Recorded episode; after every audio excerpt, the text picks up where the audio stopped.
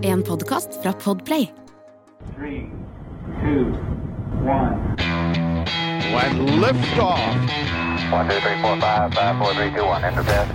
Okay, we checked all four systems, and there you go on modulation, all four, and keying with a go. Ok, dette er Romkapsel, eh, som sagt mange ganger før, din absolutte favorittpodkast om eh, alt som handler om eh, verdensrommet. Eh, Kan jeg bare, før vi starter Hei, Eirik. Hei, forresten. Jeg Ja. Prøver å være høflig, selv om det er, blir som vane at vi møtes her Mm. eh, på denne måten. Det må vi slutte Nei, det må vi ikke. Vi må fortsette med det. Jeg tenkte å gjøre det. 200 til, juhu! Eh, jo, eh, i morgen eh, Altså, da er i morgen eh, som det vi Når vi tar opp dette, så blir det da i morgen. Så skal jo min hjemkommune eh, gjøre noe gøy. De skal skyte opp en stillingsannonse ute i verdensrommet. Pål Brekke er involvert i dette her og greier. De trenger tech-folk, vet du. Horten er jo Silicon Valley i Norge. Eh, jeg ville bare nevne det som en sånn morsom liten ting. Eh, jeg vet ikke om de forventer noe særlig svar Nei. på den eh, jobbsøknaden som skal beames ut i space. Men jeg, Altså, er det på alvor? Er det det du sier? Ja, på, på ekte. Ja, ja. Okay. Pål Brekke har noe med dette her å gjøre.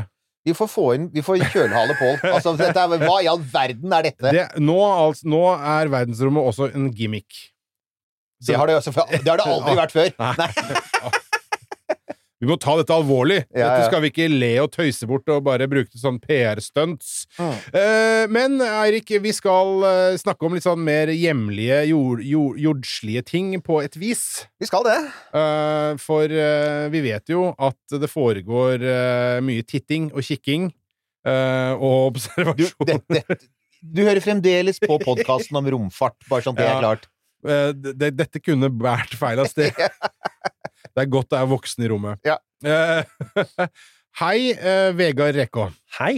Eh, så, så er Eirik skrevet her, nå tar jeg din jobb her, en av landets ledende astronomiformidlere, og mange som hører på oss, hører nok sikkert også på andre sånne Ja. vitenskapelige ting, og da har man hørt stemmen til Vegard mange ganger før. Mm. Men så har du jo stått på lista vår en stund, Ja. Eh, og så vet jeg ikke hvorfor vi ikke har hatt deg inn dere her har stått før på det. lista mi. Ja, og, Men altså, der, der ser du. Dette her It was bound to happen. Ja, Men vet du hva? Vi, altså, som jeg alltid sier i sånne situasjoner, dette er et fagfelt hvor det skjer så mye hele pokkerens tiden at vi har ikke tall på hvor mange ganger vi har sagt vi må snakke med X, Y eller Z, og så er det plutselig Nei, nå var det oppskyting, eller nei, nå gjør Elon Musk et stunt, eller russerne krasjer en romsonde, eller ikke sant? Et eller annet vi må snakke om. Ja, ja. Så det er, hektisk. Det er som breaking news-desken hos Dagbladet, dette her. Altså. Det er, sånn, det er puls. Det er høy puls. Ja. Til Og sånn, bare sånn full disclosure her, du er også du som har sponset oss lite grann. Ja. Mm. Og så, så, men det er altså ikke som et resultat av det. Vi er, nå er jo ikke vi under redaktørplakaten, så vi gjør jo hva pokkeren vi vil. Det er er ingen voksne hjemme! Her er det party Ja, ingen Ja. voksne hjemme. Men bare sånn at, jo, sånn at ikke vi får den kommentaren. Men er ikke det Men det, det stemmer. Eh, så ja, eh, du har stått på gjestelista vår lenge, eh, og det er jo fordi at du jobber med en del prosjekter som er interessante, rett og slett. Og vi kan jo for så vidt Altså, vanligvis når vi prater om Altså, når vi har nye folk i studio, så må vi liksom sjekket litt, da. Ikke sant? Sånn altså, Jo, må for- vi, ha, så, vi har en sånn sjekkliste Ja, som vi skal innom ja, ja. her, så Hvor- hvor- Credentials, please. altså, hvor, hvor, Har, har teleskop. Nei, altså mer sånn, Hvordan ble du like gæren som oss? Ikke sant? Ja. Hvordan, hvor kommer dette fra? For det er jo sånn, ikke sant? Altså dette med eh, eh, Vi er alle enige om i denne lille podkastklubben vår at dette her er jo ikke et Altså det er jo ikke en veldig sånn bred folkelig interesse. Det er ikke som fotball. Eh, så det er gjerne en grunn til at folk ender opp med å bli veldig fascinert av dette her. Og liksom, hva, er, hva var din vei inn i dette? Ja, når ble du mistet? Ja, Eh, ja, det var, det var forferdelig tidlig, så jeg må jo legge litt av denne skylda på foreldre som tok med seg som Faren min han tok med seg teleskop hjem. Eh, det var barn, så jeg tror jeg var fire år når jeg sto ute på terrassen og så på kometer og planeter eh, første gangen. Eh, så da er jo på en måte løpet kjørt. Å ja, ja, ok, ja. Det er det, for at jeg, jeg tror å se for øre med min sønn. Tenkte jeg, fader, skulle kjøpt et teleskop og så hatt det på verandaen. Da kunne vi kikka på ting. Men så ser jeg for meg at han er sånn YouTube-generasjon, ikke sant? At det skal gå fort. Ja. Og det å drive og stirre inn i et teleskop, da tenker jeg at han hadde jo begynt å klage etter fem minutter. Og du sier YouTube-generasjonen. Jeg sier TikTok-generasjonen. Ja, jeg, jeg har jo en sønn som er på TikTok, og han har mast på meg nå i måneder. Sier han du er nødt til å komme deg på TikTok, og vet, TikTok, og vet du hva? Jeg gjorde det i morges. Altså, Så, jeg, så astro, What? astro, Astronews er nå på TikTok. Jeg aner ikke hva jeg gjør der. Det er fullt av rare unge mennesker som gjør rare ting, og jeg bare 'Mamma, jeg vil hjem!' Men, eh, men eh, ja, nei, jeg kjenner igjen den der med, med å ha foreldre som stimulerte. Altså, mine foreldre var jo for øvrig der altså, De er jo kunstnere. Så de hadde jo ikke noe peil på det, men de skjønte interessen. Jo. Så det de gjorde, var at de matet meg med Faren min har liksom matet meg med science fiction, og så var jo dette under Apollo-landingene. Så det var jo masse Masse stimulans, og det er vel det du egentlig sier. Altså, du trenger stimulansen på et, å, få, å bli stimulert på et tidlig tidspunkt. Ja, du trenger stimulansen, og du trenger hjelpa også gjennom noen bøyger, og det hjalp det selvfølgelig mye at faren min er mattelærer. Så når, når, oh, ja, ja. Ja, Ikke sant? Når Det matte på videregående er blei ble veldig vondt, Ja. for det blir det når du begynner med algebra og sånne ting, Ja. så skjønte jeg liksom Nei, vet du hva, det her skal vi gjøre noe med. Og så snakka jeg med pappa, du kan ikke du bare gidde å lære med algebra, for det her, det funker jo ikke. Men morsomt at du sier det her at dine foreldre, Eirik, de var jo da eh, hadde heller denne kunstbakgrunnen. For Ja, ja. min far er da realist, og min mor er eh, kunstfagutdanna. Ja. Eh, Så jeg kan nesten like mye om å sette opp en damaskvev og, og kirketekstiler. Der ser man. Så i hvert fall når jeg var 16, så kunne jeg like mye av begge to. Oi, ja. så mange muligheter! Du kunne liksom gå inn i sånn underbetalt kunsthåndverkeryrke. Jeg- Mora mi er også kunsthåndverker, så det er liksom sånn De har alle sammen veldig dårlig råd. Eh, eller du kunne satse på astronomi, som vi alle vet er veien til Veien til rikdom! Det er sånn Skal du virkelig cashe inn, folkens, så blir Ja, ja, ja. men man blir lykkelig, da. Det er det! Ja. Det er akkurat det, og det der syns jeg er sånn Det er sånn også en viktig ting. Altså, tross alt, i et rikt land som Norge, så er det det er veldig vanskelig for, og, og, og, det er veldig vanskelig for deg at, at ting går veldig galt. Altså, du ender jo på en måte ikke på, i slummen i New Delhi om du ikke lykkes med det du ønsker deg i Norge. Så det er lettere å ta litt sjanser og prøve seg. For det er jo det du gjør nå, ikke sant? ja. For at, bare, bare si sånn, du har, du, du har jo tatt en astronomibakgrunn, ikke sant? Eller astronomi. Astro, astronomi. Det blei en doktorgrad ut av det. Det ble, ja, ja, det ble en Doktorgrad? okay. faktisk. han har mer studiepoeng enn meg. Nå, okay. nå, kan du ikke, nå kan du slutte å si den tingen. Nei, det kan jeg vel ikke! Altså, jeg har fortsatt færre Ja, det har studiepoeng. du. Okay, ok, altså, det er jo det jeg sier hele veien, at jeg har færre Det har jeg. Og nå har det bare blitt enda verre. Ja, nå har det bare blitt Ja, enda ja, ja. verre. Men nå, nå, ok, I feel your pain. Det er poenget. Jeg føler Nå veit du hvordan det kjennes å være Ja, ja. Liksom, studiepoengfattig Å, i en ja. forsamling. Nei, jeg Ja, føler meg liten nå. Ja. Men eh, ja, du gjorde det, ja. Hva tok du forresten doktorgraden i? Eh, Det blei plasmafysikk. Eh, Og det var en sånn rar vei dit, men det starta med at når jeg var ferdig på videregående, så havna jeg jo i fysikkfaget, litt fordi jeg fikk den hjelpen. Og i fysikk så er jo det kuleste kapitlet, det er jo stjerner planeter og liksom galakser og sånne ting. Så sitter jeg da og hører på disse rådene på videregående, så bare ja, nå må du velge hva du skal bli når du blir stor. Jeg har ikke peiling, men eh, da tar vi det kuleste faget. Ja. Eh, Stikker på, liksom søker på universiteter i Norge, så bare yes, Universitetet i Oslo har eh, astronomistudie. Da bare kjører vi på med mer av det. Ja, mer av det. Ja. Ja. Ok. Og så, ja, og så tenker man, så får man jo et eh, Så blir man forsker, da. Det var jo det alle sånne Det er det alle sånne som dere Altså, tenker at de skal altså, bli. en doktorgrad er jo i praksis en forskerutdanning. Det er jo det det er. Og det kan jo si at særlig innenfor et fag som vårt, da, så vil jo, er det jo Altså, det fins Altså, folk med astrofysikkbakgrunn ender opp i alle slags roller. Det er ikke det. Men det er klart at det er veldig, det er veldig fint når man får en forskerjobb. For det er sånn Det er ikke så mange industrier som bruker astronomi direkte, for å si det sånn. Men da skal det jo sies, da, og med fare for å åpne opp et stort tema for oss to, Eirik Altså, nå er det to anledninger hvor jeg bevisst har valgt bort forskning. Ja, samme her. Yes, ikke sant? Ja, ja. Og, og der kommer vi Ja, på et skjær, eh, stort, sårt tema. Ja, ja, men altså, herregud, formidling. Ja. Altså, det, der tror jeg vi er tre i det rommet her som Ja, ja. sier at oh yes. Det er helt sant. Det er, det er jo morsomt det der. Jeg, kan si med en gang at jeg vet hvorfor. For jeg, jeg tok nemlig noe av det samme som du holdt på med plasmafysikk, som er som altså da Plasma er liksom den fjerde grunntilstanden til stoffer, og det er blant annet det sola er, altså, og stjernene er. Glød, ikke sant? Så det er viktig for solfysikk, som vi er gode på i Norge. Men, øhm, men det er altså innmari vanskelig. det er vanskelig matte, og det er pirkete arbeid. Og jeg kjente at det, altså, virkelig gode forskere er de er sånn Altså, de er petimetere, og de jobber beinhardt, og de jobber ofte på et veldig sånn fokusert område. Og jeg er mye mer sånn generalist. Jeg syns fremdeles alle de store tingene og de litt sånn der store vyene var gøy. Vet ikke hvordan det er med deg, men jeg, jeg, bare, jeg bare gled litt bort fra den derre pirkete forskerjobben, da. Nei, jeg datt eh, all in. Eh, Jeg har nok vært ganske langt nede. Jeg har fortsatt fått litt sånne kommentarer etterpå. At eh, det er noen sånne egenskaper du lærer deg i pirk, som kanskje ikke passer like bra hjemme i familiesammenhenger og sånne ting. Så Ja, wonder what eh, Ja, jo da, nei, men det er greit. Det er jo selvfølgelig også grunnen til at eh, jeg aldri ble forsker, fordi at jeg aldri har eh, gidda pirk. Altså tålmodighet. Det er, ikke sant? Det du er helt, og det er en egen form for tålmodighet. Og det er ikke noe å si på det. Jeg mener, det er sånn vi finner ut av universet. Mm. Det er jo det. Det er jo ikke sånn derre Du går ut, og så ser du sånn Ta-da! Ikke sant? Altså, Galilei går ut og ser opp med den første kikkerten. Det var mye arbeid altså, som lå bak at han gjorde de oppdagelsene han gjorde. Det var ikke bare sånn at han gikk rett ut og sa 'Å er det sånn det er, ja? Ja, Jupiter har fire måneder, ja.' Nope, det var hardt arbeid. Mange, mange mange års nitid arbeid. Og det var, så noe av grunnen til at han lyktes, var jo blant annet at han hadde den tålmodigheten. Men ok, nå etter sånn eh, ca. sju-åtte minutter her, eh, skal vi da Komme til temaet, er det du sier? tema. Ja. Da tenker jeg Nei. Vegard Rekov, hvorfor er du her i dag? Hva er det vi skal Hva skal vi snakke Hva om? var poenget, egentlig? eh, det er ikke gateway drugs, og det er ikke liksom eh, forskerkarriere, ikke-forskerkarriere eller studiepoeng vi skal snakke om. For det vi skal snakke om, er jo observasjoner, ikke sant? Det å kikke opp Ja. og se Ja. utover. Eh, verdensrommet slik man kan se det selv, Mm. kanskje? Oh, den var fin. Eh, Ja. ja. Altså, og det der har jo blitt kanskje en sånn eh, last i livet og en fane og en ambisjon at eh, jeg lærte jo fryktelig mye om verdensrommet, og, og opplever da at folk spør. Eh, og det er egentlig ikke så vanskelig å gjøre noe med det, men det er absolutt null hjelp lett tilgjengelig. Mm. Eh, hvis du har lyst til å begynne med for eksempel hobbyastronomi. Ja. Eh, jeg hadde en periode at jeg søkte på mye finn.no-annonser på teleskoper. Eh, egentlig for en venn som da spurte meg liksom, ja, hvilken skal jeg kjøpe. Jeg leste mange annonsetekster, og stort sett alle sammen innleder med 'Jeg fikk denne her i gave for fem Ja. år sia. Eh, den har stått og støva ned. Jeg veit ikke åssen jeg bruker den'. Hvite elefanter pleier det ofte å kalles. Altså, du har en sånn svær, flott ting stående i skapet. Ja. Jeg har en sånn, jeg òg. Du veit ikke hvordan du bruker den. Jeg gjør det, altså. Ja. Det er mer at jeg bor i Oslo sentrum, dessverre.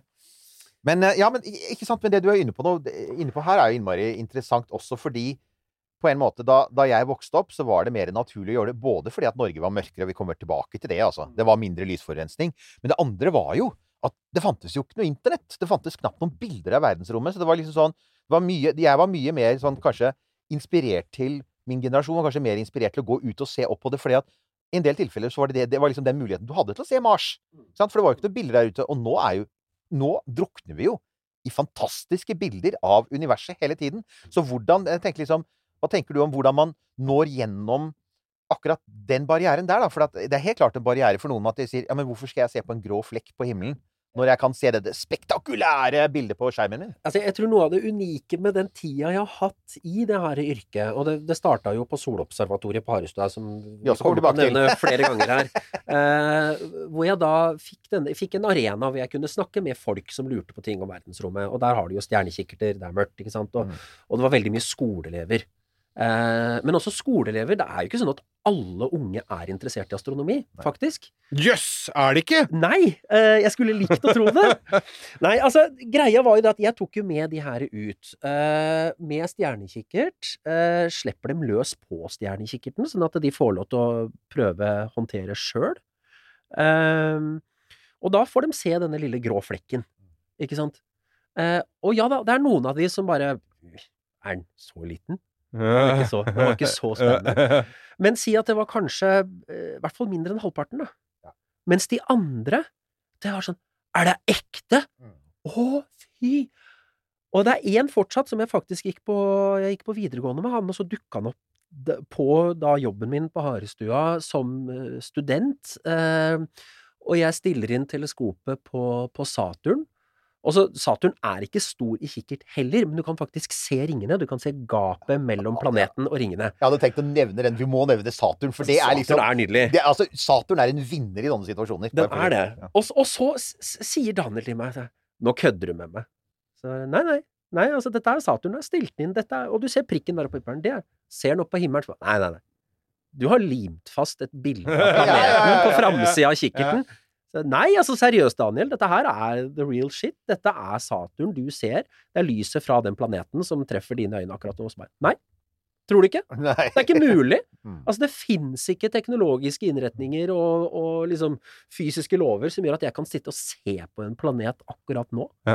Saturn, Men, ikke sant, Saturn og- og- nesten aldri, altså. Nei, den gjør ikke det. Nei, men den er jo kul, da. Den er jo spektakulær på alle mulige måter. Men der tror jeg, sånn som, sånn som du sier, da, at hvorfor skal jeg gidde å se på dette som er litt sånn, og ikke, ikke så spektakulært som det kunne vært hvis det var fra Hubble eller hvor som helst, så har jo da, da vil jeg dra en parallell til folk som står og filmer konsert. Mm. Altså, Ja, ja. det er jo det er, Bare det at det har noe verdi at du har gjort det sjæl, og det der, der når du ser ting med eget øye, eller et bilde du sjøl har tatt, selv om det bildet er Altså, du, du kan ta så mange bilder du vil av Grand Canyon, men du klarer liksom aldri å, å, å få Mm. eh, formidla det inntrykket det er å stå på kanten der og faktisk se Grand Canyon. Mm. Eh, og jeg tenker det er litt av det samme, da, når du, når du ser Altså det å se et bilde på dataskjermen av Saturn, for eksempel, det er sånn eh, ja, men det er, ja ja, greit nok. Fair enough. Mm. Uh, men når du ser det sjøl, Ja. faktisk der i real time, der er den. Det blir, jeg på en måte så blir det litt sånn det samme som skjer med Sånn som Kristoffer Schou fortalte om, ikke sant, da han så de første bildene fra, fra James Webb. Hvor han liksom satt og, Gråtkvalt. gråt, Ja, ja. Ikke sant? Så det er, det er noe med det der selv om det riktignok var prosesserte bilder, ikke sant, og det da å sitte og ah, her ser jeg Saturn nå, med mitt eget øye, sånn som Saturn er ikke akkurat nå, da, men sånn relativt nå. Det er et vel, altså, den der totale, Altså, jeg, der begynner det å bli en del år siden jeg har holdt sånne kurs som du holder nå, så det er kjempebra at du gjør det. For jeg husker det, det var populært en stund, og så ble det mindre populært. Og det er bra at det begynner å tas opp igjen. For det er dette her med naturopplevelse. Det husker jeg at jeg prøvde å Mm. formidle. At, at å se opp på stjernehimmelen er ikke bare å se et kult objekt, men det er en totalitet. Det å være ute i skogen en klar og mørk Mm. vinternatt. Mm. Det, er, det er stillheten. Mm. Det er liksom litt sus av vind i trærne. Det er det, du, kan, du kan faktisk se stjernenes bevegelse. Du står der i fem minutter, og så ser du at de flytter seg Mm. i forhold til trærne. Og, og er du mer enn sånn fem-ti minutter under åpen himmel, så vil du veldig ofte også begynne å se stjerneskudd, ikke sant? Og så blir øynene mørketilpasset, og så ser du Melkeveien. Og det er en sånn derre ærefryktinngytende naturopplevelse som er så sjelden i vår tid. Jeg det kjenner jeg blir religiøs, jeg, når ja, du snakker. men, eh, ikke sant? Jeg husker jeg hadde en opplevelse. Jeg, var, jeg tror jeg var 15 år gammel. Jeg var ute i skauen og, og, og så på stjernene. Og så plutselig så, så, så er det noe som skjer i hodet mitt hvor jeg står og ser på Melkeveien, ikke sant? og så skjønner jeg plutselig Altså, jeg, jeg, har jo, jeg har jo forstått det rasjonelt, men plutselig føler jeg at jeg står på overflaten en liten roterende klode og ser inn Altså ser, mot en, ser på kanten av en galakse. ikke sant? Det var liksom sånn, Mm, mm, du fikk en sånn tredimensjonal følelse. Det var nesten så jeg svimte av. Det var så, det var så overveldende, ja. Det er en sånn naturopplevelsen i, i et nøtteskall, da. Ja. Den tror jeg mange nordmenn forstår. Gjør de ikke egentlig det? da? Jo, og ref det der med at nå er det veldig mye bilder på nett og sånne ting. På en måte så har det gått så langt nå at jeg opplever at interessen for den eh, reelle opplevelsen på en måte har økt de Ja. siste åra. Det har vært gjennom en periode hvor liksom, ok, NASA-bildene blei så kule og så tilgjengelige at det holdt. Og nå er det nesten sånn at det har bikka over igjen at eh, det er flere og flere som sier at du hva, jeg har, jeg har lyst til at for eksempel foreldre tar initiativ på vegne av unga, da. Mm. Og sier at jeg har lyst til at vi skal ha denne lille hobbyen her. At vi rett og slett tar oss turen med en kikkert, går ut i skauen, står og ser på den lille prikken. Mm. Hvis du da har noen sånne tips, da, for at, altså, det er jo ikke alle Du holder jo kurs. Ja. Uh, og, og det finner du på astronomen.no, ikke sant? Mm, mm. Uh, men for, for folk som ikke eventuelt kan det, eller har tid, eller sånt noe hvis du har, Og det er mange, det vet du òg. Jeg, jeg har fått opp gjennom årene massevis sånne henvendelser. Jeg vurderer å kjøpe et teleskop til, for å, også til, til et barn som har vist litt interesse for astronomi. Mhm. Men liksom, hva er de hovedtips til disse foreldrene med å, å, å få denne interessen i gang, da, om du vil? ikke sant? Ja. Eh, det, er- det er vanskelig å bare si én ting. Uh, Det er en podkast, du kan si flere. Ja, ikke sant? Uh, men men det, er, det er noen fallgruver man kan unngå. Ja. Ikke sikt for høyt. Det er liksom punkt én. Jeg husker jeg var relativt godt trent og fikk en kikkert lånt Ja, det var den faren min hadde tatt med hjem da jeg var liten, som ville kosta 20 000-25 000 kroner. Den fikk jeg plutselig hjem til meg når jeg bodde i, i Nittedal, på et ordentlig mørkt sted. Eh, og den var for god, på en måte. Den var for smalt synsfelt, for stor forstørrelse. Så jeg sleit Mm. med å bruke den. Det var for få tekniske innretninger rundt som et støtteapparat. Så jeg fikk ikke glede av den. Ja. Eh, og så bruker du opp altså 20 000 kroner er skitmye penger for mange, eh, det er det. og det skal det være. Eh, men så, så var det liksom greit, men da går jeg tilbake igjen til liksom de litt lettere, tradisjonelle teleskopene, refraktorer gjerne, sånn som Galileo Galilei bygde, altså den Mm. eldgammel teknologi. Eh, og, og de har større synsfelt, det er lettere å navigere rundt, sånn at du skjønner hva du ser på. Og så er det sånn teit greie med noen stjernekikkere at det er omvendt bilde. Det er fryktelig forvirrende i starten, men du kommer deg rundt det. Så jeg tror kanskje liksom første råd er middels til lavt budsjett, Ja. men ikke lekebutikk. Nei, ikke sant? Der er det, og, og teleskopet kan være ok, for all del, men stativet er noe drit. Ja, det stativet. Det det. Jeg sier alltid det også. Altså, stativet er nesten det viktigste du må se på. Og det, er, og det rare er jo at det er ikke så, altså, Stativet er på mange måter den minst vanskelige tingen å lage. Hvis du tenker på det, altså, Å lage et stødig stativ kan egentlig nesten hvem som helst gjøre. Nei, men, her, men altså Hallo! Nei, vet du, I beg to differ. okay, For det okay. viser seg, altså i 2023, i et av verdens rikeste land, så må vi fortsatt sitte ved bord som wobler, fordi man har Og det, altså at de, det er det og da, at man er vanskelig å lage et stødig stativ, det har jeg da full forståelse for. Okay. Fordi at det, et bord, som er altså noe av den mest basic konstruksjonen du kan klare å oppdrive, Ja, det der feil, år, liksom? det, det feiles altså så miserabelt over en lav sko når det kommer til akkurat det. Så Der det er tydeligvis svaret, eh, Ja, Vi der har kommentere svaret. at det her har også da radioverten vært innom et par ganger og justert på miksstativet mens vi har snakka. Ja, ja, ja. Ja, stativene her er veldig wobbly. Ja, ja. 1202. Denne går ut til alle dere foreldre som ønsker at barna deres skal bevege seg mer. Bare husk på dette lille verset. Bort med mobilen, alle mann, så drar vi til Leos lekeland. Lek så mye du vil til 20. juni. Gå ikke glipp av tilbudet Springpass. Vi ses på Leos. Nei, men altså, dette her er jo, dette her er jo eh, gode tips og råd. Jeg pleier også å si altså at eh, altså, som du sier, ikke kjøp for billig. Så et sånn typisk budsjett er hva altså, For det, det er en annen ting folk spør om. Ja, hvor, hvor, hvor mye skal jeg bruke, da? Eller hvor lite skal jeg bruke? Ikke sant? Ja. Og jeg tenker altså, Noe særlig under et par tusen kroner bør du i hvert fall ikke gå, for da er du nede på lekebutikknivå igjen, tenker jeg. Hva Ja, tenker men du? det har også vært en utvikling. Eh, Jeg måtte Ja. gjøre en oppdatering på min egen kunnskap eh, i løpet av pandemien. Ja. For jeg, jeg skjønte at alle de modellene jeg kjente, de var jo 15 år gamle.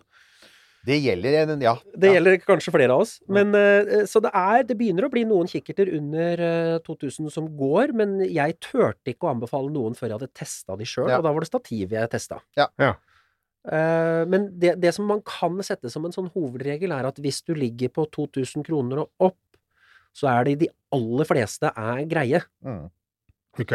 Men ja. eh, da har jeg lyst til å ta en ting eh, som eh, jo er en punkt på, på lista her. Ja. Fordi veldig mange bor på et sted eh, hvor det er lys på garasjen, det er lys på døra, det er en eh, idrettsbane i nærheten som har eh, flombelysning, det er butikklys, det er, det er veldig mye lys, da. Eh, og det er jo et tema som eh, man kan snakke om, men så kan man jo også snakke om ting som all, masse satellitter og greier. Eh, det, dette er jo blitt et eh, stadig økende tema, men spesielt dette her med lysforurensning har jo vært et tema veldig lenge. Eh, og da er det jo ikke bare sånn at det, man kan sette det teleskopet på en balkong eller på verandaen sin midt i en by. Og så har de kommunale etatene gjort noe teit. De har fiksa de bryterne som vi unger fant, hvor du kunne lyse på de eller skyte på de med sprettert, slik at alt gatelys i området slukka. Ja, jeg husker vi gikk og sparka på Jeg husker vi gikk og sparka Ja, ja, ja. i stolpene, så Funka så slukka fjell, det, Ja, Det gjorde det. Ja, gjør Ja, det ikke lenger. Ja, for dette er jo da bringer oss til Bevar mørket, ikke sant? Ja. Og for, Fortell litt om det. Hva er dette for noe? Bevar mørket er jo en forening som jeg var med å starte for eh, to, to eller tre år siden nå. eh, nettopp med det formål at eh, det begynner å bli litt for lite av mørke i Norge. Eh, og som en astronom så har jeg en åpenbar grunn til å synes at eh, det burde være veldig mye mer av det. Eh, så var vi fem stykker som starta det her eh, første året. Eh, og de andre, det var noen lysdesignere, en biolog, og, og det vi sammen fant ut, det var jo det at eh, ja, jeg som astronom, jeg blir fryktelig plaga av det her, men altså insekt, eh, økosystem, sånne ting Fytti katta så mye gærent vi Ja, har hat, forårsaka. hat på hagebelysning og utebelysning som bare er der fordi vi syns det er fint. Ja, Ja. og veier lager jo uoverkommelige barrierer. En skog deles midt på av en vei som, hvor det av en eller annen grunn skal være flombelysning hele natta. Men da har det jo heldigvis begynt å komme sånne lys som skrur seg på når man Ja. med sen sensorer Det, og det sånn. har jo det. Ja. Men Mm. altså, for et veldig godt eksempel på hva som har skjedd, og og det har har liksom vært mens jeg har vokst opp. Det var jo altså jeg husker jo at tilbake på 70-tallet, da jeg ble interessert Altså ja, jeg bodde jo på et sted med ganske mye belysning, men vi kunne for eksempel Jeg hadde um, tante og onkel med hytte på fjellet. Der var det mørkt der! Men vet du? Hyttelandsbyer. Det er begynt å bli mye lys på fjellet også. Jeg har hatt en del prater faktisk med folk som har sagt at ja, nei, men jeg drar jo på fjellet for å, for å se, og der ser, jeg jo, der ser jeg jo ganske mye. Så sier jeg liksom hvor, hvor er det hen? Og så, blir det, så er det, da hender det at det er sånne hyttelandsbyer. Så jeg, men vet du hva? Da er du allerede i ferd med å bli Altså, den himmelen du kunne se for noen år siden, den er allerede borte. Mm. Og du får jo også en sånn sant? Du får også, Og det er jo ikke bare det som faller rett i øynene dine, men også hele himmelen blir lysere, ikke sant? Altså du får en sånn glød Du kan se den hvis du er langt unna en stor by, så kan du se en sånn stor glød over byen, ikke sant? Men det er tre tiltak i Norge nå hvor de faktisk søker om en Dark Sky Park Også bra. eller godkjenning. og den som har kommet lengst, og som er mest ambisiøs jeg, jeg lurer på om de kan, i beste fall, så får de i år, i verste fall neste år, eh, Dark Sky Park-status i Pasvik. Å, interessant. Ja. Og, og så der har det vært et lokalt initiativ som har holdt på en stund. Gjort et dritbra jobb. Altså, hva, hva betyr en Altså for, for folk som bor i området, sier de da å ja, da er det aldri noe lys. Hva er en Dark Sky Park egentlig, da? En Dark Sky Park er for så vidt et område hvor det da skal være ekstremt lite kunstig lys. Eh, det blir målt med Altså, de, de har apparater, fotometere, til å måle hvor mye strølys du har. Eh, og det skal være under på noe de kaller en Bortel-skala, så skal det da liksom være helt i bånn på 1 og 0. Nå sa du et ord der. Hva var den skalaen? Bortel-skala. Bortel-skala. Mm. Bortel, jeg veit ikke hvor navnet kommer fra, eh, men den, den, eh, den sier noe om hvor få stjerner ser du, Mm. avhengig av hvor du er på skalaen midt på natta. Ok. Ja. Så hvis du går ut midt på natta, går ut her i Oslo, eh, og så teller du, da kan du bare ta liksom et bilde av Karlsvogna, bilde av Orion, et eller annet sånt noe, så teller du hvor mange av stjernene i det området kan jeg se. Mm. Eh, ok, det er sammenlignbart med Bortel-skala 8, det illustrasjonsbildet som de har for den. Mm. Eh, og det mener jeg det er også, at eh, i hvert fall litt sånn i utkanten av Oslo, så er det på Bortel-skala 8. Ja. Men altså, jeg, jeg har bare tenkt på det, eh, og dette her beklager at det blir litt sånn eh, sammenblanding av eh, på en måte Hva skal man si katedral og børs her nå. Men, men da vi snakka sammen i forbindelse med kursa dine og den Mm. mm. sponsinga som du hadde, så eh, begynte jeg å tenke, og så har jo jeg ja, mange lenge vært fascinert av liksom bare- med øyet stirre opp på himmelen. Mm. Og hjemme i Horten, der jeg bor, så er det ikke så huggende gærent. Jeg bor liksom litt oppå en bitte liten sånn Mm. bitte liten haug, eh, og på, ut fra mitt loftsvindu så ser jo jeg kjempefint veldig masse stjerner på en eh, klar natt. Så er jeg på Bortel-skala fem, jeg, da. Ja, det tror jeg faktisk, uten at jeg har vært og sjekka. Men du er, du er inne på noe veldig, veldig viktig, og det er at alle bor et sted hvor de har en mørk skog eller fjord i nærheten. Nemlig. Og det er dødsviktig. At selv om du bor i tjukkeste Oslo, dra til utkanten, Ta T-banen ut bare- til utkanten. Ja, ja, jeg Ja, har rett gjort det mange ganger. Og så sa ikke bare ryggen til lyset, men hvis du klarer å stelle deg på utsida av en rad med tette grantrær, Mm. så gjør det underverker at du ikke Ja. har det lyset rett bak deg fra en gatelykt eller en nabo.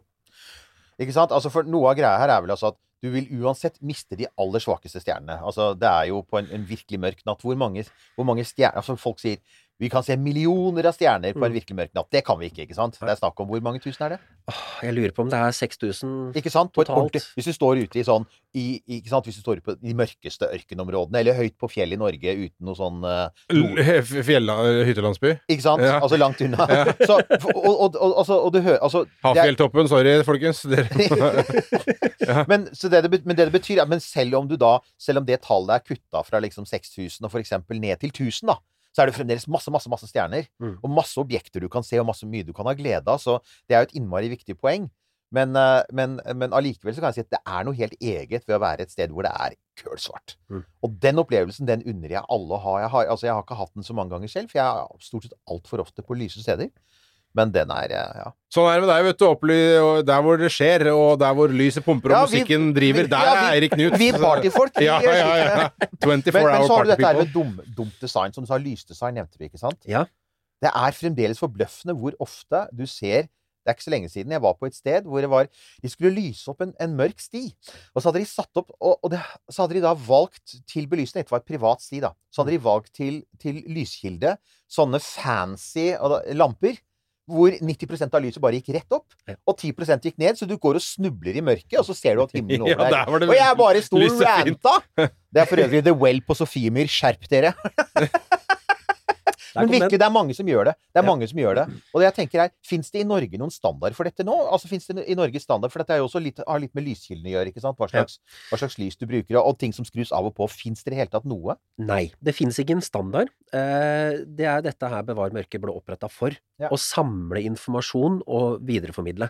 Uh, og de eh, lysdesignerne har vært uh, fantastiske på det at de, de, de kjenner jo bransjen. Og det er noe med det å fortelle både de som skal kjøpe lyset, og de som skal installere lyset, at eh, vet du hva, du trenger ikke det lyset som går opp.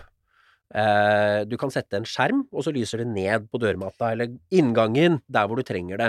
Og det gagner deg også. Det, det mest idiotiske er du betaler, for å, du betaler for å lyse opp ingenting! Det er absurd! Altså, det, betales, det koster Mm. jo penger, dette her, ikke sant? Det er sånn uh, Vegard Reke og ja til høye strømpriser! Ikke sant? Skru av altså- sant? Det er jo poenget, Vegard. Du vil jo ha lyset der du trenger det. Mm. Og istedenfor så sender du det alle andre steder. Jeg mener, hallo! Mm. Rant over. Ja, ok, så bra. Eh, skal, vi, eh, skal vi da Da vil jeg ta en liten sånn kjapp Segway over til Hvordan er lysforholdene der borte på Harestua? Du, de er eh, relativt gode. eh, eh, Nedadgående, eller negativ utvikling, det må jeg jo si. Så jeg har en liten dialog gående som vi skal intensivere litt. Eh, og kommunen er for all del veldig positive. Det vi fikk til i min hjemkommune Lunder, er at de tok med i arealplanen. Så At du bor snakke rett og slett i eh, Harestua kommune, du? Jeg bor i Harestua kommune. Og kan vi bare først vi bare ta en sånn, fordi at det er jo ikke alle som kjenner til dette, men vi snakker altså om Solobservatoriet på Harestua, det gamle Ja. Solobservatoriet, som ligger i Lunder kommune, som er ca. en times kjøretur fra Oslo, er det ikke det? Altså rett, stort sett Det er rv. riksvei 4, er ikke det? Ja, Ligger ikke det rett fra du Ja, av fra Ikke sant? Jeg har kjørt motorsykkel forbi der Ja. mange, mange ganger og tenkt ah, der er det. Ja. Eh, Og da- og, og så Men du ikke ser det mer. ikke fra veien. Nei, og det er nei. noen som tror at det er Nittedal jordstasjon, som er Ja, Telenor sin radiolink Ja. til satellitter. Ja. Det er ikke den. For, det, det, for det, i stedet for den ligger jo da et lite stykke inn i skauen, oppe på en topp er 580 meter over havet, ifølge Store norske leksikon. Ja. Uh, og det jeg ikke visste, men det sier, står det vel på sidene til eh, Nord-Europas største astronomiske anlegg. Ja, og så har jeg fått litt kritikk for den der. Ja, nemlig. For at Ja, altså Men, men hvorfor det? Hvordan teller man størrelse? Ja, det er et poeng. Uh, uh, I antall kikkerter så tror jeg det faktisk er en del andre av de private observatoriene rundt omkring nå som i, med absolutt rette kan si at de er større enn Solobservatoriet. Mm. Men uh, vi har et 20 meter langt solteleskop. Jeg tror den er vanskelig å slå. Det er fantastisk. Det er, det er, ganske, altså det er fremdeles et imponerende bygg der det står midt ute i skauen. Ja. Og når, hvis man har vært inni der, da, så er det jo eh, enda morsommere å se, for det er et veldig rart bygg. Det ligner jo ikke på noe folk flest stort sett har sett. Det er sånn kuppelprosjekt, ikke sant? Jeg Ja. har sett noen bilder. Det er kuppel, men det er en liten kuppel. Fordi vi pleier å se de bildene fra liksom store teleskoper på Hawaii, eh, og det er gigantiske kupler. Her er det en kuppel som er, er tre eller fire meter i diameter. Oh ja, ikke mer, Så det er sånn sett moderat, men den står på toppen av et tårn som ruver tolv meter over bakken. Og, og teleskopet er da et vertikalt rør som er tolv meter over bakker, åtte meter under. Oh. Og så er inngangen på teleskopet, den er på toppen, eh, og der er kuppelen. ja. Det ikke, altså, jeg mener, Husk at det er et speil som sitter på toppen og reflekterer lyset ned. Og så går det gjennom, og det, det, det er et soltårn. Så den skal faktisk ikke se på galakser og stjernetåker. Den skal se på sola. Oh, ja. Så, Så men er det da er det sånn, liksom en sånn skyttergravkikkert, på en måte, dette her? Altså sånn, eh, sånn Husker du man lagde med doruller Ja, og sånn, og sånn, speil ja. og er periskop? Ja, liksom, ja. eh, analogien var fin på Ja. veldig mange måter. For Ja, astrofysikere er ikke nødvendigvis sosiale folk som liker å være ute i dagslyset. Så eh, det er hyggelig å liksom gjemme seg ned i kjelleren, og så har du et rør opp til Ja, det er forlyst. Uh... Men det, men det er jo ganske interessante historier rundt det. da, For at man hadde jo et ønske om for en, altså, Vi har hatt observatorier i Norge før, annet observatoriet i Kristiania. Og så Mm. skjønte man etter hvert at man måtte flytte det ut. Og det har jo også med lysforurensning å gjøre. Man måtte flytte det ut. Det ble for mye røyk og lys. Og så måtte man flytte teleskopene ut, og så ble det en svær debatt. Og det var jo snakk om annet å legge det på, på, på Holmenkollen. Ja. Ja, ja. Jeg har hørt en historie om det. Det går masse historier om disse her greiene her, om hvordan blant annet eh, man på et tidlig tidspunkt så eide Universitetet i Oslo en svær tomt oppe på Holmenkollen som de nærmest ga bort til Forsvaret. Eh, og det var sånn, sånn i ettertid så var det sånn Hallo, dere ga bort en, dere ga bort en milliard kroner, men ok. Eh, og så ble det da så ble det på, på, i Lunder kommune. Og det var da pådriveren var Svein Rosseland, som er liksom han som grunnla moderne norsk astronomi. Astrofysisk institutt på Blindern er liksom hans greie. Og, og solobservat- solobservatoriet. Og så Mm. hadde de også De hadde også radioantenner. Ja. Og det, de jo, altså, det, var, det var en stund Bare for å i det hele tatt knytte dette løst til romfart, var det ikke til og med litt sånn satellittgreier der? Det var det, eh, og det var en ganske viktig del av utviklinga av stedet. Men altså, det er riktig som du sier, det var solteleskop som var eh, liksom den bærende bjelka i hele det prosjektet. Og de var ganske åpne på området, så de, de lette De reiste rundt på sikkert mange titalls topper med en, et radiomålinstrument og et teleskop, og så valgte de den toppen hvor det var best forhold. Eh, Og eh, relativt enkelt å bygge en vei opp, slik at de fikk etablert dette anlegget. Og det blei da Gunnarshaugen øst for Harestua i Lunde kommune. Ja. Eh, time nord for Oslo, så det var behagelig reisevei til universitetet og sånne ting. Eh, og det åpna i 1954. Eh, en måned før den forrige totale solformørkelsen på norsk fastlandsjord. Så, det, Faktisk. Det, det stemmer, det. Jeg husker at jeg, øh, det- det har foredrag på 90-tallet, pleide litt sånn eldre folk å komme bort og si 'Jeg husker solformørkelsen'. Ja. Ja, ja, ja. Ja, de de fins fortsatt. Det fins fremdeles noen Ja, igjen, ja, for det er jo de de som er gamle nok til å huske å ha sett den. Det er jo for at Ja. ne neste er, er det ikke om 200 år eller noe sånt, og det er lenge til. Ja, det er noe helt sånn avsindig. Ingen av oss lever når den kommer. Nei, Sorry, det lever jeg greit med. Dagens dårlige nyhet. Ja. men, men altså, jeg måtte bare si en sånn I tilfelle det er noen krigsnerder der ute, og det er det, for det er et stort overlapp mellom Werner von Braun. Ja, Werner von Braun er nå nevnt. Og da, da kunne vi også ha nevnt altså eh, Fordi at disse her eh, radioantennene som han da også plasserte på Harestua, drev litt radioastronomi også, Ja. var da Würzburg radarantenner fra Lista flystasjon under krigen. Så det var nok en sånn derre Tyskerne the gift, the gift that keeps on giving. Ja, vi jo, i, ja, men altså, det er, de etterlot seg en del. Altså, IT-brakka på Blindern, da jeg studerte på Blindern, var jo tyskerbrakker. Ja, det er noen antenner og noen brakker. Ja, det er ja, mye ja. brak- Alle har vært på et eller annet sånt speidermøte eller et eller annet i en tyskerbrakke. De har det. Eller hatt øvingslokale for band eller noe i en tyskerbrakke. Det er tyskerbrakker overalt! Tatt et tog på en uh, toglinje som er videre. Skal Ja. ikke gå inn på den, men Nei. Werner von Braun. Ja. Uh, det er her vi har romnazister. Dere vet dette. Så, uh, så, så Men poenget er jo da Det man ofte tenker, er at OK, eh, dette er, men dette er lille Norge, og det er jo da altså det er Lunder kommune. Og, og så tenker man Altså, fikk de gjort noe ålreit vitenskap der? Og du aner ikke. Ja. Altså, herre min hatt, det her er min store hodepine, og den må vi vie kanskje noen episoder til seinere, men mm. eh, Det er med advart.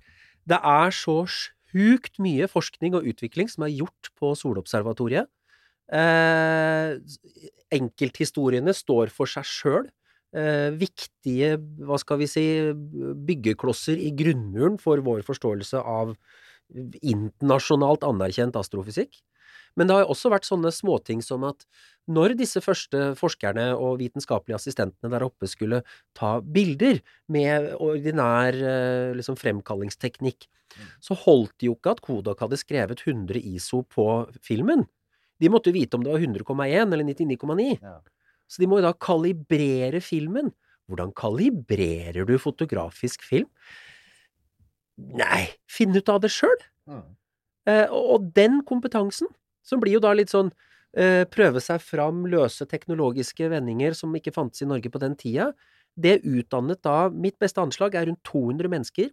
Har hatt sin, en betydningsfull del av sin utdanning eller tidlig karriere på Solobservatoriet, og tok seg etterpå jobber i eh, Televerket, i Norske Statsbaner, i, i statsapparatet eller i, i IT-bedrifter. Ikke sant? Så det her har jo bidratt til å fòre Norge med teknologikompetanse som du ellers ikke fikk tak i. For husk at det var etter andre verdenskrig importforbud. Det som var i utlandet, det fikk de drive med. Mm. Vi må klare oss med de folka vi har. Ja, ja, vi hadde jo dårlig erfaring noen år med import fra utlandet. Vi hadde så det, da. Ja, ja, ja. Men de etterlot seg noen radioantenner. da. ja, det var det. Men, Det var eh, noe. Ja. Nei, men, men, det, men dette er jo et Jeg husker jo dette her, for altså, dette blir litt sånn mimring, men jeg hører vel til det aller, et av de aller siste kullene av astronomistudenter på 80-tallet som faktisk annet tok fotokurs på Harestua. Mm. Og brukte da hadde, Det var helt på tampen av Kodaks produksjonsserie av disse glassplatene. For altså, astronomiske bilder ble jo tatt på glassplater og ikke på celluloid. Og det er jo fordi at glassplater er stabile. ikke sant? Du kunne, Mm, du- altså, du hadde, og de var svære.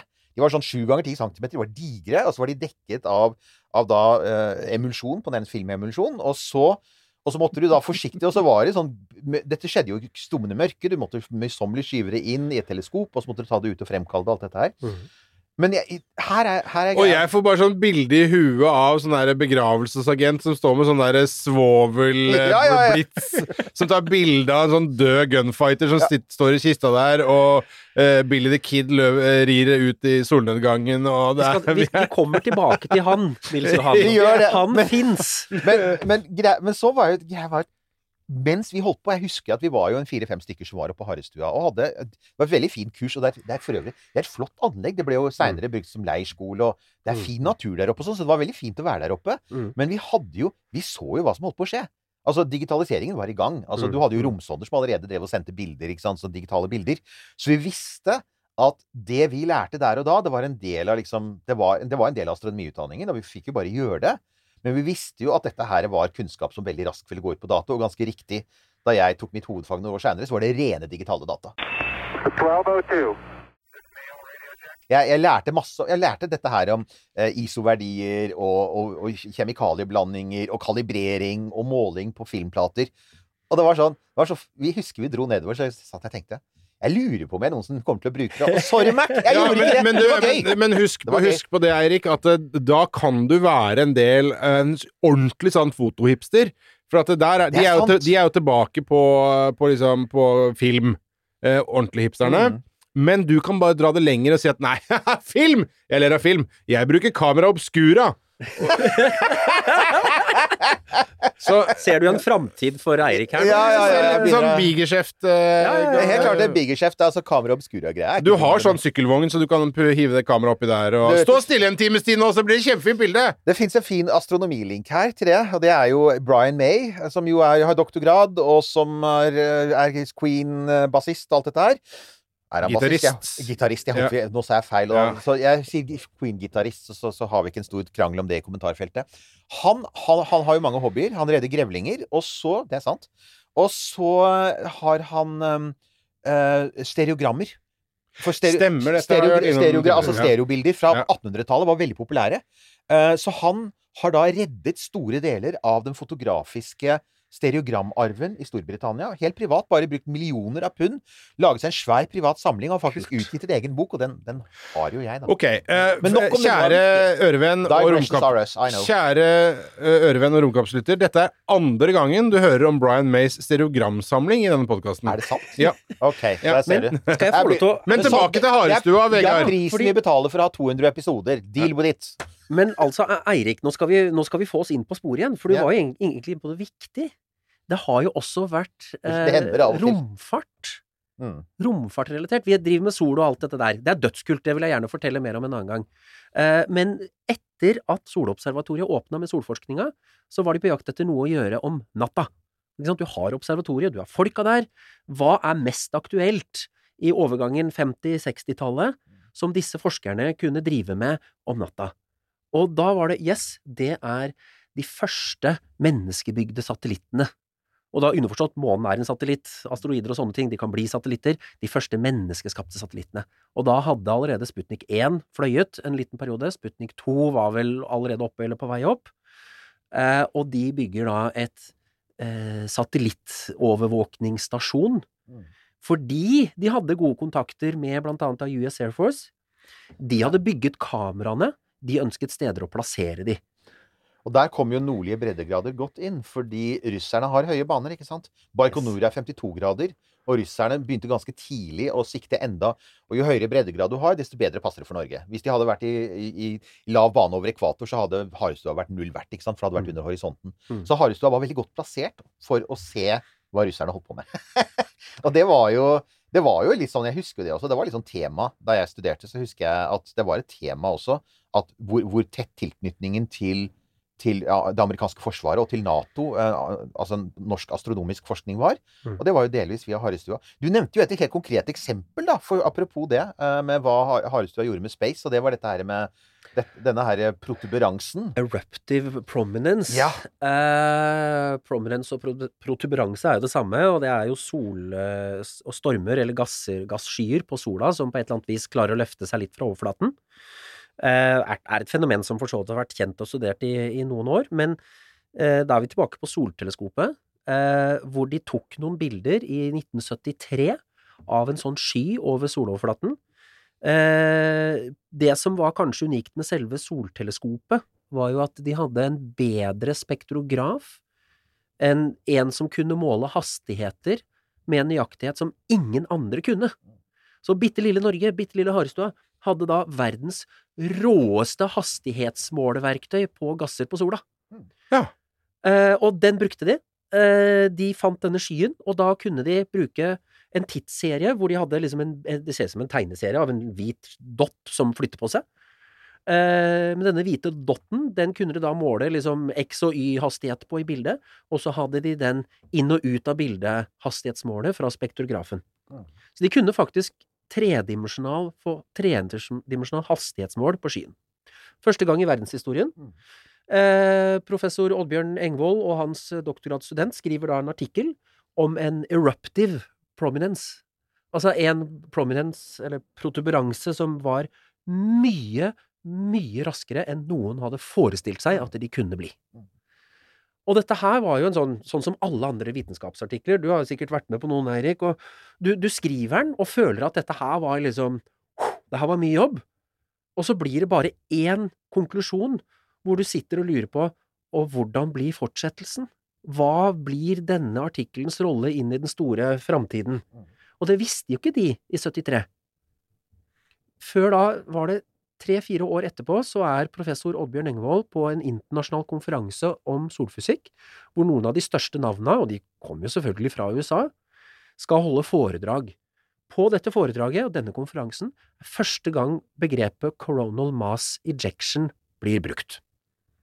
Hvis du leser om solstormer i engelske medier nå, det er det ordet de bruker, hvis du leser de store bekymringene for satellittnæringa, så er det chronal mass ejections, for de kan potensielt sett slå ut satellitter en masse. Og, og på norsk er altså korona er liksom den ytre atmosfæren til sola, og så er det da svære, store mengder med masse som rett og slett slynges ut, ikke sant? Som, som kastes ut i solsystemet, og noe av det da treffer jorda og jordas magnetosfære og gjør spennende ting. Og du har ikke veldig lyst til å være mellom jorda og Mars i et romskip når disse greiene er ute, forresten. Var det ikke noen sånne som nesten traff de siste Apollo-ferdene? Jo, de var veldig Var det mellom mellom var, 16 og 17 eller 17? jeg tror, ja, det var, det var 16 eller 17, det er helt sant. De var veldig, veldig nært. Det var, eh, så det var eh, Nei, det, det, det, det, det Dette er jo har vi jo vært innom eh, flere ganger sammen med Ja, Pål Brekke, blant Ja, annet. Pål Pål Ja. er jo inne på det. Og det er jo ganske, det er jo ganske interessant, da, for at ofte så kommer den der greia med hva er nytteverdien av dette? Hva var nytteverdien av soltårnet? Vel, det, en av nytteverdiene av soltårnet var at den altså var med på å grunnlegge vitenskapen som i dag gir oss romværvarsel. Mm. Og romværvarsel er viktig i dag, viktig for satellittene våre, men hvis vi da en dag skal sende folk tilbake til månen og til Mars, så er det helt avgjørende. Altså, Vi kan ikke reise til Mars uten gode romværvarsler, det kan jeg si. Mm. Så, så dette her er egentlig eh, Dette er egentlig kult. jeg vet at dere ikke Det, syns det jeg er usikker på om det er, var et kompliment eller Men det er det. Det er, egentlig kult. det er et kompliment til min gamle veileder. Oddbjørn Engvold, var min veileder på universitetet, så jeg kjenner jo godt til forskningen hans og det han gjorde her.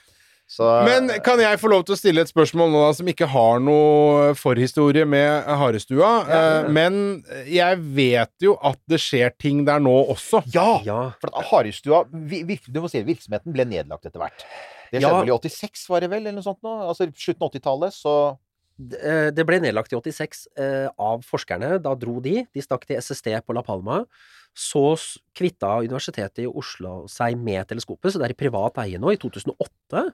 Eh, Men virksomheten som da var, det fortsatte. Skoleundervisning, veldig mye av det. Jeg tror man, noen av lytterne våre kan ha vært på leirskole der, for det var veldig populært en periode. Definitivt. Ja. Veldig mange i den voksne generasjonen nå har vært der.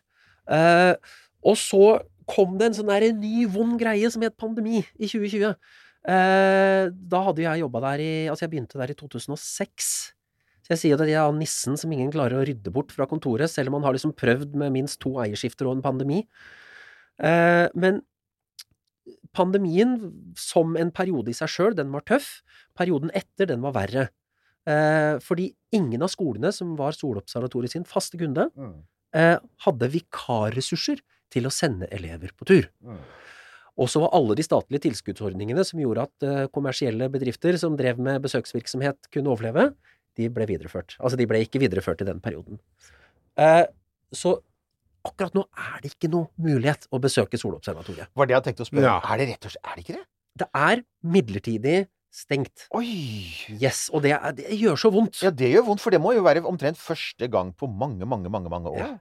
Men det var også et bevisst valg som vi tok da, fordi vi fikk en sånn liten knekk etter pandemien.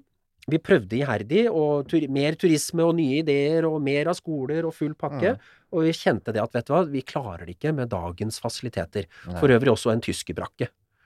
Som ble brukt i kontoret. Selvfølgelig. Ja, ja, ja. Ja, ja, vi har en, vi òg. Eh, og, og konklusjonen falt på det at, vet du hva, eh, på den ene siden så prøver vi å berge drift i litt gamle, små bygninger. Eh, på den andre siden så sitter vi med noen utviklingsplaner, hvor blant annet da Snøhetta har tegna et sinnssykt kult planetarium Å, til oss. jeg har sett det der konseptet. Det er helt vilt. Ja. Og, Det er så bra. Og, og, og valget mellom Ok, nå, har vi, nå kan vi enten redde daglig drift i slitne brakker, eller så skal vi jobbe for Snøhetta-prosjektet. Ok, det er en no-brainer, faktisk. Ja. Eh, så i Det er vel faktisk mai i 22 at vi da bestemte oss for at akkurat nå klarer vi ikke å holde åpent. Vi lukker dørene. Og så må vi bare se når vi har liksom jobba lenge nok og er klare til åpne igjen. Men anlegget, altså soltårnet Altså alt står der oppe.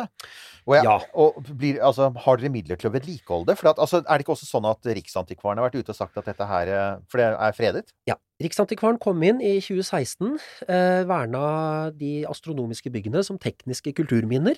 Så de legger sin beskyttende hånd over det, det verdifulle og det særegne. Og i tillegg så kommer det jo da penger fra Riksantikvaren når vi skal vedlikeholde de gamle historiske bygga. Så de er ivaretatt. Men Riksantikvaren gir ikke penger til Snøhetta. Nei, nei, nei. Og, og det skal de ikke heller. Nei, nei, det Eh, ville jo vært rart. Men bare den der sikkerheten, at det gamle historiske anlegget, det Ja. er ivaretatt. Ja. Men hva skjer, hva skjer da? Hva, når, når, når kan vi dra dit igjen? Eh, det er jo skummelt å si sånn på podkaster, da, men det, Nei, men du vet, det, her, her eh, holder vi på med sånn der spacetime, så det er, hvis du sier noe, så vet vi at det blir etter Ja. det. Ja, det var et godt Ja. poeng. Eller så har jeg en venn som har vært her med jevne mellomrom. Vi kommer sikkert innom han etterpå. Vi har en sånn greie med at det, vi må fortelle noe nytt hver gang noen Mhm. av oss er på romkapsel. Ja. Ja, Så det nye nå, det blir da at da ønsker jeg å invitere Romkapsel sine lyttere, og gjerne noen flere, og kanskje noen prominente, Mhm. til åpning og jubileum.